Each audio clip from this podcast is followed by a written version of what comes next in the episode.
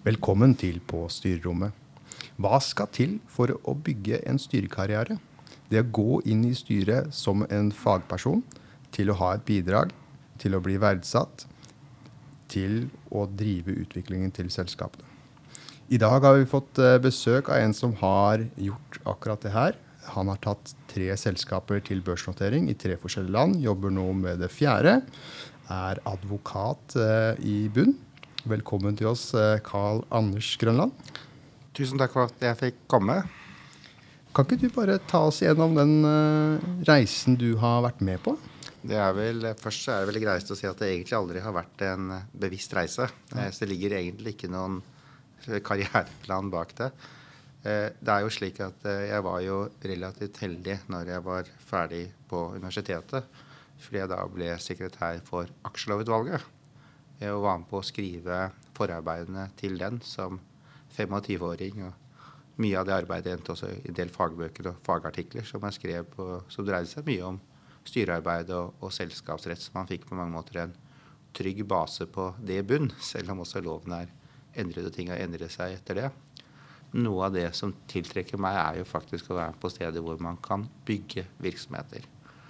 Når du har en jobb ved siden av, så er det jo litt begrenset hvor mye du kan jobbe fulltid i et selskap ved siden av.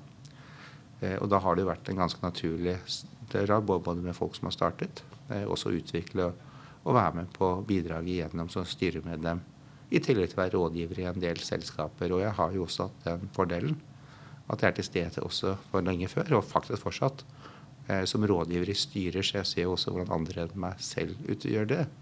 Og, og, det skaper en utvikling og en mening på hvordan man skal lede det.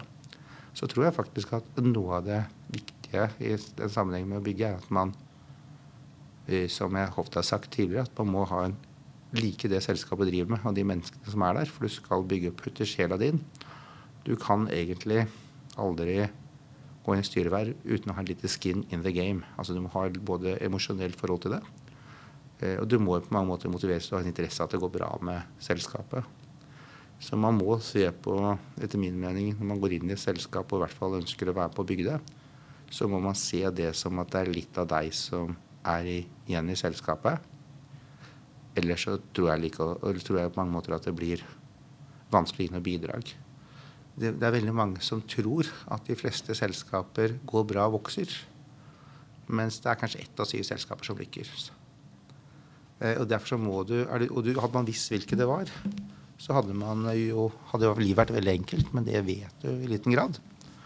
Eh, slik at du vil alltid ta en risiko når du går inn. Og det er jo egentlig bare et tidsspørsmål før det smeller. Eh, jeg har vært veldig heldig den senere tiden. altså jeg har vært relativt få, Men jeg har jo sittet, vært, sittet i eierselskaper på selskaper som har blitt rammet av covid f.eks., og som måtte legge opp for, fordi kombinasjonen av covid og, og bemanningsmarkedet endret seg. Mm.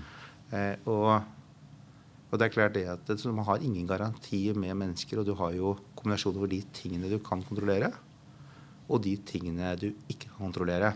Det som er Din rolle som styreleder er jo Selvsagt å rydde opp der det er problemer, men det er å ha en strategi. Altså Alle ting som du kommer inn i, så må du på mange måter ha forankret en strategi på hvor man vil, eh, og hva man ønsker at selskapet skal gå. Og det å bygge et selskap fordi du skal bli børsnotert, ja, det er liksom ikke målet, men det er mer at du vet at etter hvert så vil selskapet trenge ofte penger og utvikling for. For det er disse selskapene som klarer det uten. Fordi alle selskaper som startes opp, og som vokser, har to problemer. Enten så trenger de penger fordi de har negativ cashflow. Eller så trenger de penger fordi de vokser. Det koster ganske mye penger å være på børs i den forstand at du har to kostnader. Den ene er jo selvsagt at det koster å sende kvartalsrapporter, og noen ganger skal vi holde med halvårsrapporter, men det koster en del praktiske forhold til å håndtere ting. Eh, men det er også en kostnad i forhold til at du, du har eh, begrensning på hvilken informasjon du kan si, innsidekunnskap og, og, og, en del slike ting som gjør at en del transaksjoner blir vanskeligere og krever helt andre krav. Eh, et av mine selskaper i dag gjorde faktisk et kjøp som ble børsmeldt. I hvert fall når jeg kom inn i møtet, så hadde, hadde markedet reagert positivt på det i dag. Og Finansavisen hadde klart et oppslag på det. Men det er problemet at de som selger, skal jo da heller ikke fortelle om det til noen. Uh, samtidig som du f.eks. har uh, krav til godkjennelse av kontraktsforbindelser for å gjøre det. Og da får, du, da får, du, en utfordring som ikke er noe problem når det er private eller utenom børs, men som krever helt andre utfordringer til styre og ledelse. Så, så, så svaret er liksom at det har ikke vært ingen av de selskapene som har børsnotert seg selv, vært et mål. Men det har vært fordi at eierne ikke ønsker å selge seg ut, og det er kvalitetstegn i seg selv. At man ikke ønsker å selge det til noen eksterne, men tvert imot ønsker å ha tro på fremtiden. Samtidig som du henter kapital fra noen som ønsker å ha litt likviditet. Til f.eks. å betale strømregninger eller andre ting som jo har blitt høyere etter hvert. Hvor mange land er det du nå er tilknyttet til? Som styreleder eller med? Som styreleder så er det tre land mm. i øyeblikket. Det er, eh, så det er Norge, Sverige og Danmark. Eh, det er jo slik at Jeg sitter jo i styrer i selskaper som er i andre land utover det, ja. men da er det ikke notert. Hvordan er eh, det forskjellig? Veldig forskjellig. Det er, det er klart at Én ting er at det er forskjellig også i Norge holdt jeg på å si, på, på hvilke typer selskaper du er. Men jeg husker veldig godt som jeg alltid har fortalt om første gang jeg kom til Sverige. Og det var jo og det var etter en børsnotering vi hadde i Sverige. og Grunnen til den gangen var jo at uh, prising på IT-selskaper var såpass mye høyere i Sverige enn Norge at man følte at man fikk en riktigere prising der borte. Så var det en del ganske store svenske investeringsfond eh, som er kjente banknavn som kom inn. Eh, og de kjøpte på kvelden før en post fra et morselskap som jeg også var eier i. Og så husker jeg kom inn og sa at mitt navn er Karl Anders Grønland, og jeg har nå vært styreleder i syv år. Eh, og det er vel omtrent den tiden som man pleier å ha på et sånt verv. Og dette er fortsatt nå snart, snart, fem år siden. Så husker jeg de sa nei, sånn er det ikke i Sverige. Mm. I Sverige så sitter du som styreleder til du blir pensjonerer. Beklager min dårlige svorsk. Eh, og så husker jeg at du kan ringe meg om alt, men ikke om du vil selge. og det er liksom sånn, ok, jeg at eh, det er sånn de nordmenn gjør. Mm. Eh, og, og, det er klart at det det var jo en litt sånn, eh, litt sånn rar opplevelse som nordmenn i forhold til kulturen. Eh, Danmark, som jeg også er, er litt, litt bedre sånn at det, det er liksom litt annerledes på mange måter i den forstand at eh, hvis du ser på alle de store meglerhusene vi gjør i Norden, så er de ofte ikke der. Så det blir på mange måter et litt sånn annerledes marked, holdt jeg på å si. Men, eh, men jeg glemmer jo alltid, også glemmer aldri det med samme mann sa jo til meg at jeg er småbolag, så investerer jeg sjef. Så jeg kan bare investere i bolag som har et verde på under 50 milliarder. Eh, så tenkte jeg at jeg må være litt tøff tilbake, så jeg sa at det er det norske eller svenske kroner vi snakker om.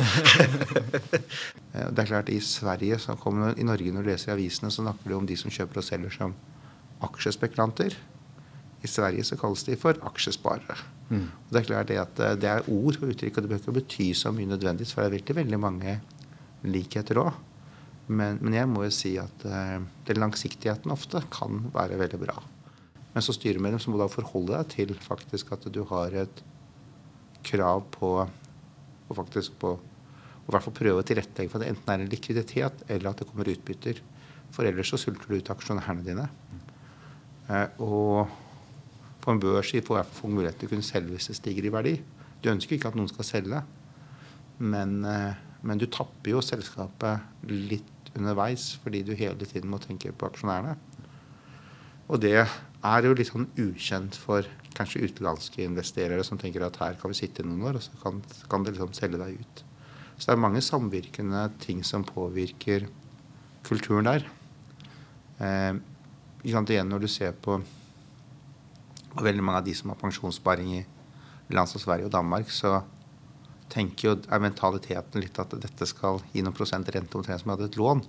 For ellers kunne jeg hatt en obligasjon, eller skal jeg investere i selskapet. Den faste avkastningen eller faste verdistigningen jeg er mest opptatt av. Mens i, i, Norge så er det jo slik at uh, du ser egentlig på utbytte som lottogevinst. Altså mer at det ikke er, det er ikke en tilbakebetaling på penger du har risikert. Men det er mer en slags sånn ja, nå, nå, har vi fått strømstøtte, så det er lån, det er lån du kan godt betale lånet ditt som er på obligasjonen, men ikke lånet på, på egenkapitalen.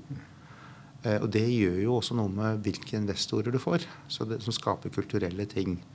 Eh, og jeg, jeg kunne sikkert nå Det er lang filosofi filosofisk om hvordan det påvirker mentaliteten i markedet når du henter det lokalt.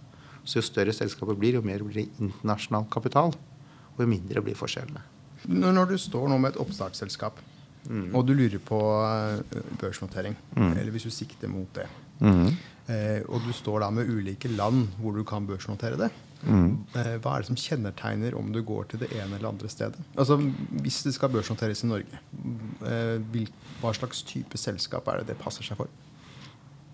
Kontra Danmark. et veldig godt spørsmål, fordi det endrer seg hele tiden. Hvis vi så For tre år siden så, så vi på Euronex Growth som veldig rare greier. Eh, nå er største problemet med Euronex Growth i forhold til å ta det, for å ta en konkret eksempel, er at du har ikke tilbudspliktsregler. Så det er veldig ofte vanskelig å få profesjonelle investorer som er redd for å sitte igjen alene. Eh, så, så du har en del den type begrensninger som er ulike for ulike selskaper. Så har du i tillegg den utfordringen som går på um, på hvor er det liksom investoren er mest hjemme og kjenner bransjen best. Så det er klart det er veldig forskjell på om du skal ta fiskeaksjer, eller om du skal ta gjødsel, eller om du skal ta teknologi. Eh, og det er klart det er noe med størrelsen, for det har jo noe også med hvor du får attention. Og du har jo flere børser i ulike land òg, så, så det, det å gi en veldig, veldig sånn grei vurdering på det, det syns jeg er vanskelig. Men jeg vil jo si det på den andre siden, hvis det er et oppstartsselskap som tenker på børs, så har de plassert seg helt gærent. Ja. Eh, Da mener jeg at da har det fokuset helt gærent. Så da tenker jeg at da vil jeg ikke bli med. Altså, det du må forberede på, at børs kan bli aktuelt, og at du kan gjøre det hvis det blir aktuelt. Men hvis målet for noen egentlig bare er å ta en quick backs, og det, så blir det sjelden bra i det lange løp. Så du må ha langsiktighet på det. Hvor skal fokuset være? Fokuset skal være på å bygge business. Mm. Hvordan, hvordan gjør man det fra styreståsted? Nei, det er jo hva du fokuserer på. Ja. Altså Det er jo noe med hvilke ting du fokuserer og, og det er klart det at eh, det er Fokus må alltid være på grunnleggende business og hvordan du kan funde det hvis fundingbehovet er der. Eh, og hvordan du kan skape en mest mulig forutsigbarhet. Så er det veldig lett å si, og så er det veldig vanskelig å gjøre i praksis. Så har du også andre utfordringer, for det er klart det at eh, du har et ansvar for å sørge for minst mulig utvanning av den kapitalen de opprinnelige eierne har gått med. Du er valgt av de som er dine aksjonærer, ikke av de som den skal inn. Slik at eh, det å unngå utva unødvendig utvanning er også et mål du må jobbe med. Og den står ofte i motstrid til akkurat det at du trenger kapital. Fordi det beste er jo ikke å måtte utstede i det hele tatt, men da vokser du ikke. Så det er, det er alltid dilemmaer du står som er veldig veldig ulike fra tid til tid. Eh, så, så men fokuset må være på å bygge business. Det altså alt andre Du kan godt krydre ting og gjøre det litt bedre, og det gjør man jo. Det har vært med på det òg, selvsagt. Men, men det som avgjør virke, hvordan det går med selskapet, er jo faktisk hvordan det går i det lange løp i forhold til bygget. Ja. Du, er jo, eh, du er jo fagperson. Altså, du er advokat. Eh, Du var med å skrive aksjeloven i sin tid. Eh, Og, og du gikk inn i styrer, eh, som veldig mange andre advokater har gjort og gjør. Hva gjorde at du lyktes med å eh, ha et bidrag utover at du er en advokat? Med at du klarte å drive utviklingen til selskapet?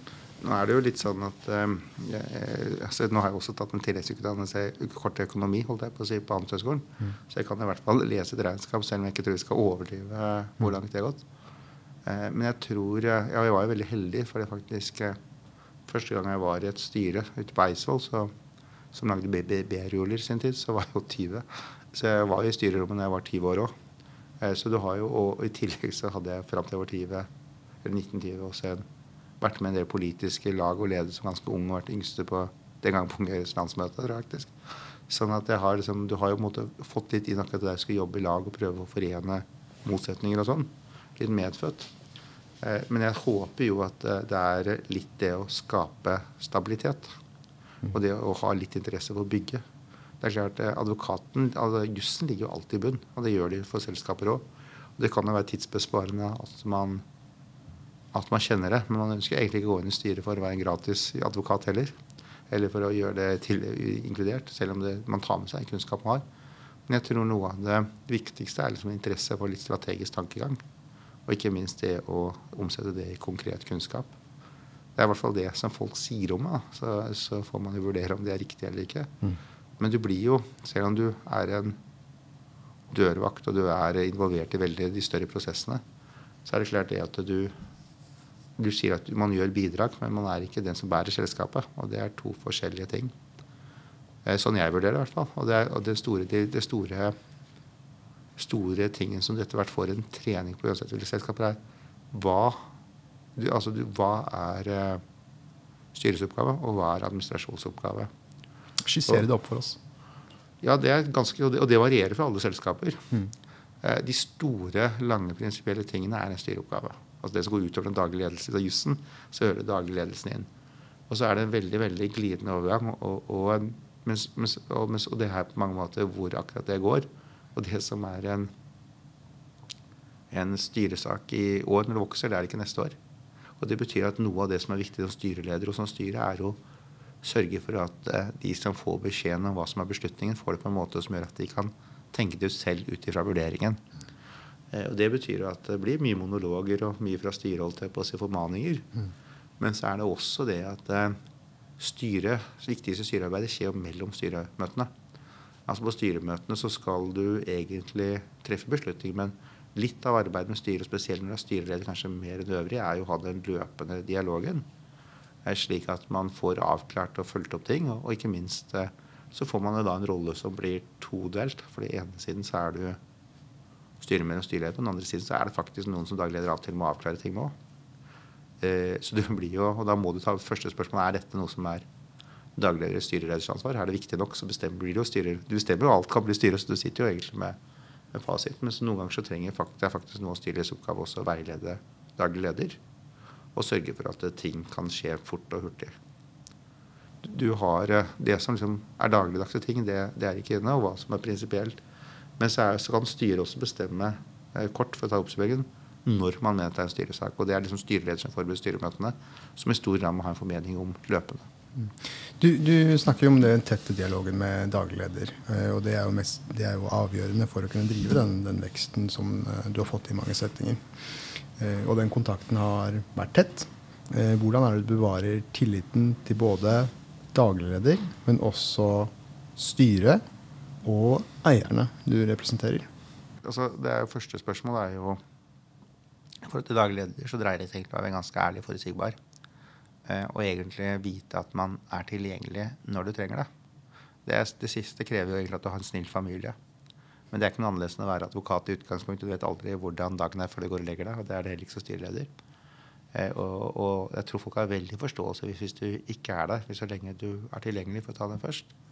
Så har de i forhold til resten av styret, så er jo det noe med kommunikasjon. Og sørge for at i hvert fall de som kan ha, enten være veldig kvalifiserte eller har sterke mening på mange måter blir dratt inn i løpende diskusjon også mellom styremøtene.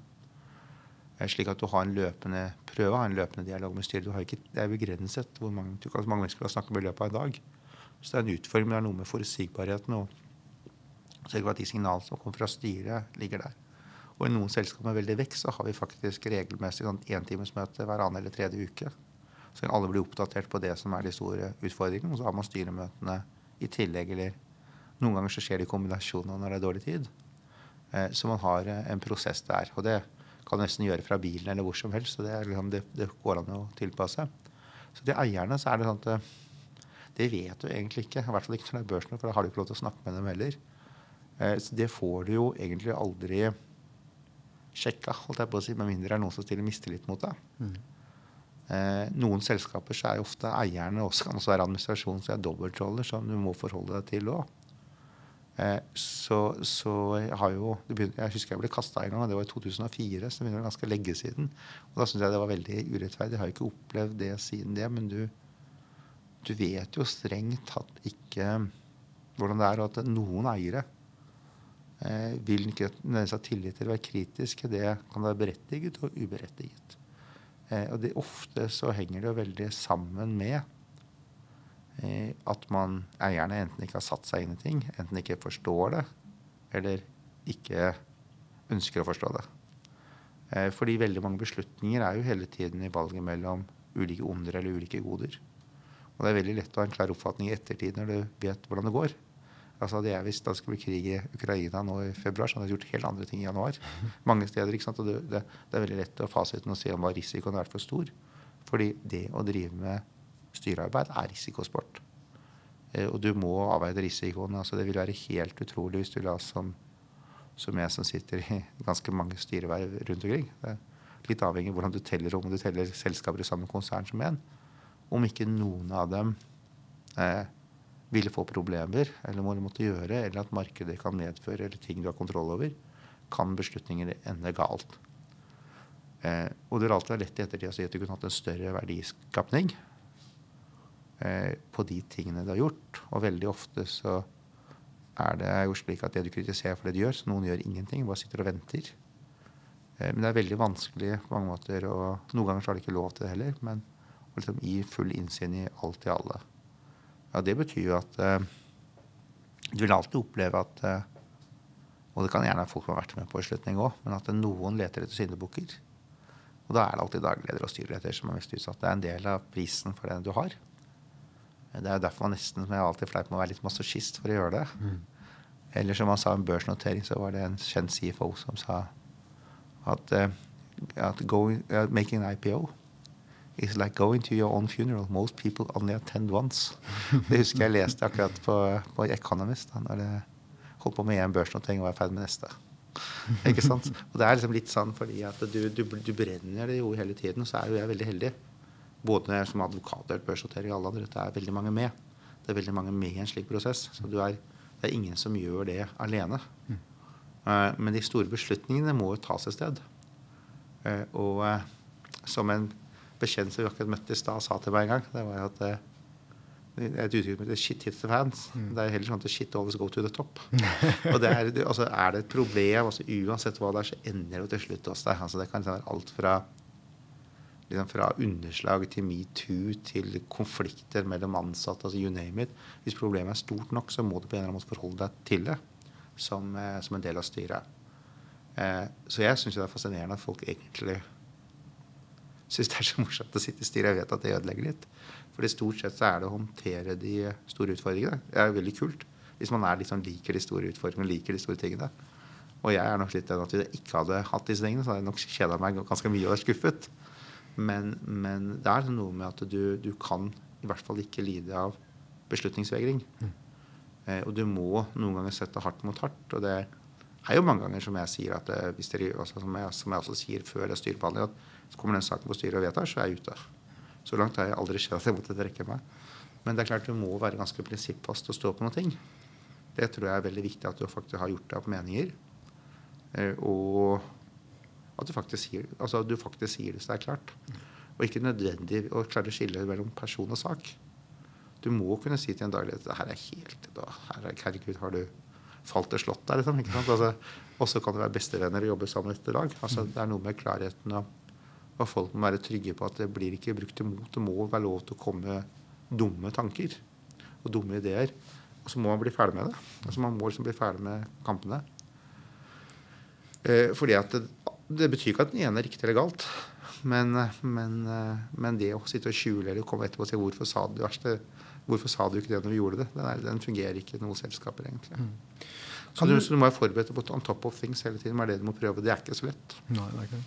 Når du, kan du fortelle litt om den dynamikken eh, i det å få styreverv? Altså, er det ja, altså det, er, det, er, en ganske fascinerende reise, det. Og jeg har vært veldig veldig heldig i stor grad at eh de styreverv altså det, er, det er litt sånn, I utgangspunktet si at jeg vil ikke gå inn i styret hvis jeg ikke har kjent selskapet mennesker et år. Mm.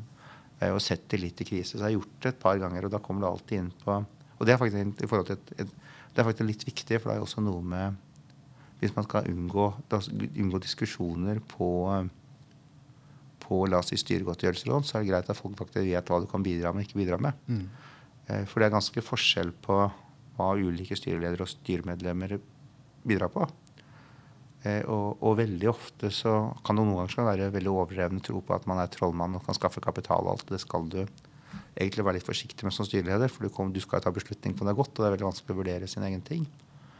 Eh, så har det jo litt det at eh, det har jo også noe med at man skal være der på regnværsdager òg. Så det er alltid greit å vite de du kjenner, som på mange måter har Så jeg er veldig forsiktig med det. Jeg har gjort det et par ganger, med, og en en gang trakk jeg meg faktisk også ut ganske raskt. Og det var litt sånn at Da var tanken at hvis du fikk et flott navn på blokka, så kunne du hente kapital. Og jeg sa at det kommer jeg ikke til å gjøre før jeg kjenner selskapet bedre. Og når det ble diskusjon, så trakk jeg meg ut. Så, eh, sånn at svaret er at jeg er veldig veldig forsiktig med Jeg går aldri stort sett inn i selskapet jeg ikke kjenner eierne eller de som sitter sentralt i administrasjonen og resten av styret, har kjennskap til dem. Det er jeg veldig, det er så å si Det blir ja ofte ikke en veldig god kjemi, for du trenger liksom å definere hvor skal vi, veien man vil, Eh, litt hva skal jeg bidra med, hva står i et rimelig forhold til det. Og det er ikke noe du gjør veldig veldig raskt. Altså Det tar litt å bli litt kjent, og man må så jeg bruker ganske lang tid på det, og jeg sier nei til de fleste.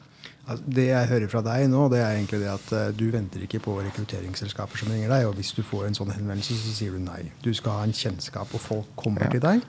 Og så sa du tidligere det at uh, Eh, du begynner som styremedlem, men du blir, ender som regel opp som styreleder. Og Noen ganger så blir jeg ofte styreleder før jeg blir styremedlem òg. Mm. Men, men, men, det er store folk jeg på en måte har hatt god tid til å prate med og se hovedeierne eller andre. Mm. Så jeg vet at vi har en litt sånn uh, felles idé om hvor vi skal. Mm. Og litt uh, en felles forståelse av hvilke kulturelle normer som er det. Og så er det jo altså, det er alltid veldig mange, Når du har fått en del styreverv, så er det også slik at veldig mange tror liksom at uh, ja, nå skal man ha noen som tar alle problemene, holdt jeg på å si, eller at det er noen som skal bruke navnet eller noe sånt. Mm. Eh, og som egentlig ikke skjønner hvordan den langsiktige verdiprosessen er. Eh, fordi der, der altså, de fleste, veldig mange med styret bidrar med lite. Det kan være riktig, og det kan være feil. Det kan være riktig i forstand at det er mange styrer som ikke gjør det. Men det kan også i veldig stor grad være at det bidraget som kommer, er ikke fysisk. Mm. Det er ikke så lett å kvantifisere. og Mye av jobben er jo å unngå at man gjør de store feilene. Og de store feilene ser du ikke før det er begått. Det er jo liksom litt, veldig my mye når du kommer inn i en del sammenhenger og som jeg har sagt nei til, da, så er det veldig ofte at det minner meg om eh, når du går på ungdomsskolen.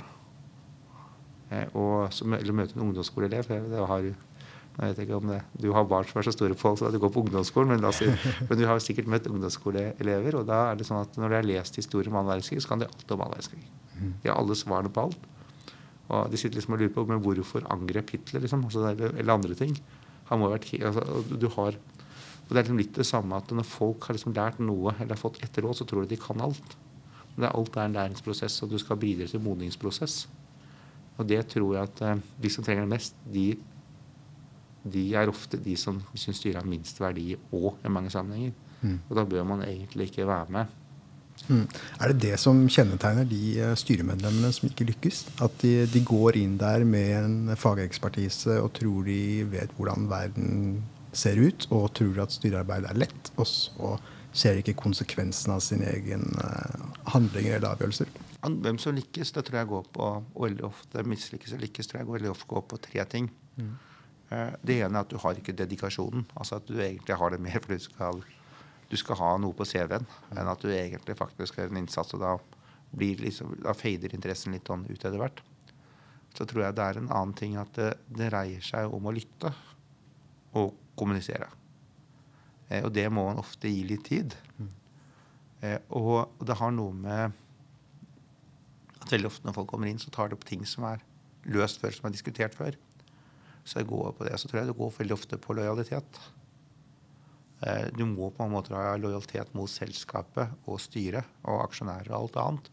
Så det krever en viss grad av lojalitet å, å være med å få det til. Hvis alle spriker og alle tenker på seg selv altså Jeg har vært på styremøter, ikke som i selskapet jeg har vært. Men jeg føler at styremøtet er mer et aksjonærmøte med forhandlinger mm. enn egentlig faktisk det å drive selskapet. Altså at veldig mange jeg ser det når du kommer inn i ulike konflikter, at veldig ofte så er det som tror at styremøtet er en forhandlingsarena for å oppnå personlige fordeler. Jeg har møtt styremedlemmer som egentlig har som agenda å lage så mye trøbbel som mulig, for da kan de kjøpe resten av selskapet billigere og den typen ting. Mm. Eh, og da blir jo resten av styret sittende der og lure på hva som skjer, og så får du en konflikt. Mm. Fordi når de sitter i styret, så skal de ivareta selskapets interesse. Og det kan egentlig alltid utstyre, og det blir aksjonærflertallet og de interessene som gjør seg mest gjeldende, men det er deres interesse. Det er ikke din individuelle interesse. Og der tror jeg veldig mange eh, brummer. og det, Du ser alltid styremedlemmer som nesten tenker på det som potensiell jobbkarriere eller andre ting. Og da blir det liksom litt sånn, da blir det ofte veldig gærent. Eh, og, og um, det er, den fristelsen går vi alle sammen, for vi er jo alle oss selv nærmest. Men, men, det er liksom en sånn utfordring som du må prøve å rydde opp i veldig i selskapet. Og så har du de siste som ofte mislykkes. Det er å si at han aksjonæren jeg representerer, han mener det. Eh, så sier jeg alltid at eh, du representerer alle aksjonærer. Altså, det er ikke sånn at du representerer noen. Jo, men han mener det. Ja, han vil gjerne ha det sånn. Ja, men altså, er, vi er her for å representere flertallstallet. Og hvis du får en sånn fraksjon eller særinteresse som er forstyrrende utenfor, så kan det veldig veldig ofte bli galt. Og så er det noe å være bevisst på at det er risikosport. Eh, og igjen så er det Og det er veldig ofte det jeg får gjenfortalt fra der man klager styremedlemmer, er at det, Men det, det, blir jo helt umulig å få gjennomført noe. Altså, alt stopper opp. Og det som skiller ofte en del gode styremedlemmer fra dårlige styremedlemmer, og i og for seg så jeg kan være så, så direkte fram også, det skiller ofte intelligente mennesker og uintelligente mennesker, er at de, de, dårlige styremedlemmene, styremedlemmene tror at hvis du ikke treffer vedtak, så er det ingenting som har forandra seg. Og det er kanskje den største feilen veldig mange kan gjøre. Og så vil jeg si at Det siste biten, som kanskje er den viktigste, eh, det er jo at du må huske at eh, det er fortsatt administrasjonen som driver den daglige virksomheten. Og du må falle unna fristelsen for micromanagement. Samtidig så må du være tilgjengelig for å gi svar på hvordan man skal micromanage ting. Eh, så du må sitte og egentlig ligge litt foran. Og så er du inne i en transaksjon eh, eller en annen prosess, og eh, du har gitt klare føringer, så er det klart du skal være forsiktig med å gå inn for mye hvis det ikke er en veldig veldig viktig prosess, og fortelle hva man skal gjøre. På en annen side, så Hvis du får spørsmål om hva ville du gjort hvis det var meg, så hvis du stopper, så stopper prosessen opp. Og jo mer det oppfattes at man ikke har lyst til å gå i krangel med deg, jo mer blir det jo der òg. Så, så, det er de dilemmaene du har. Eh, og du må kunne stole på folk og bestemme deg for når du ikke stoler på folk. Men dedikasjon, uten dedikasjon så kan du være så flink du vil, men du blir aldri god. Nå er vi jo i en uh, helt unik situasjon med høye renter. Uh, høyere renter enn vi har på lenge, og en krig i Ukraina. Du er jo nå i styret i mange sammenhenger. Hvordan er det styrets agenda plutselig har blitt endret?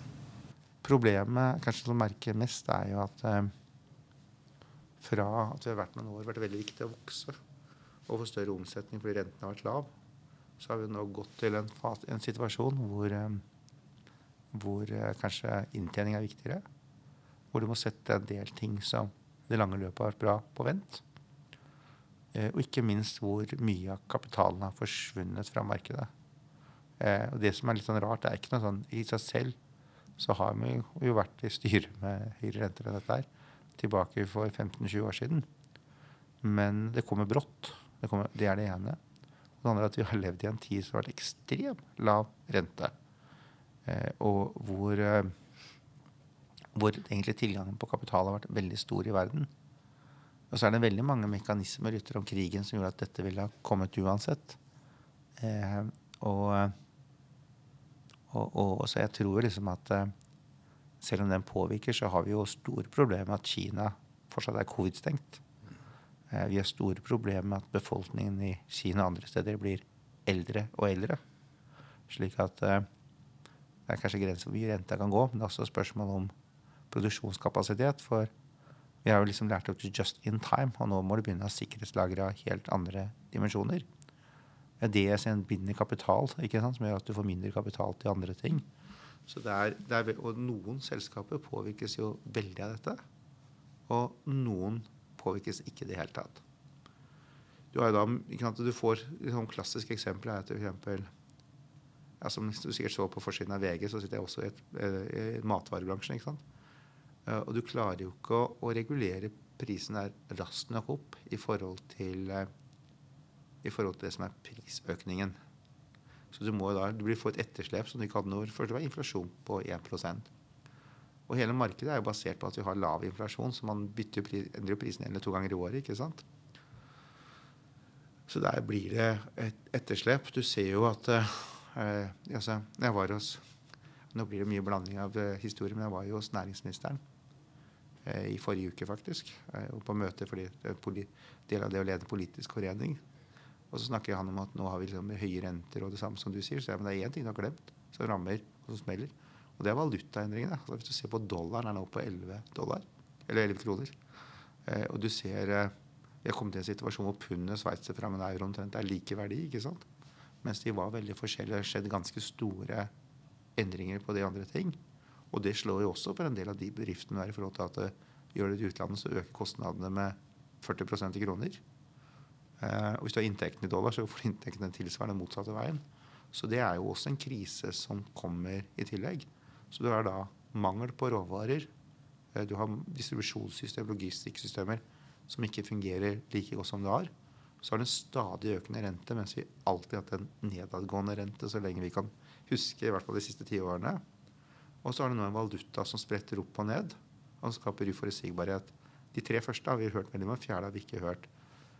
Og så på toppen av dette da, så får vi skatteøkninger sant, som vi skal ta høyde for. Ved at det utbytteutbetalingene for å få det til eierne for at ikke de skal gå konk, blir større.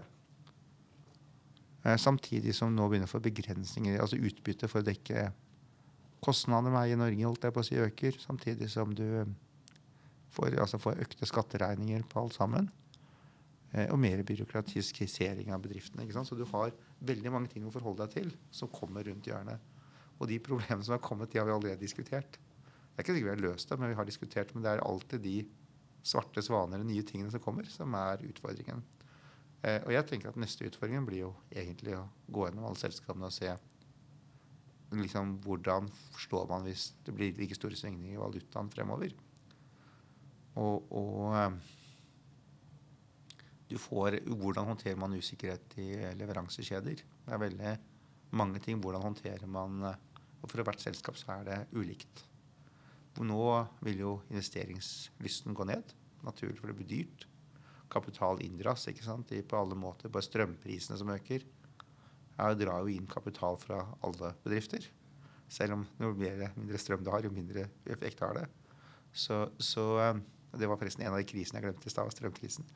Men, men du har liksom hele tiden du, må bare få, du har Krisen er større enn det har vært, men du har alltid hatt kriser. Mm. Du har alltid hatt svingninger.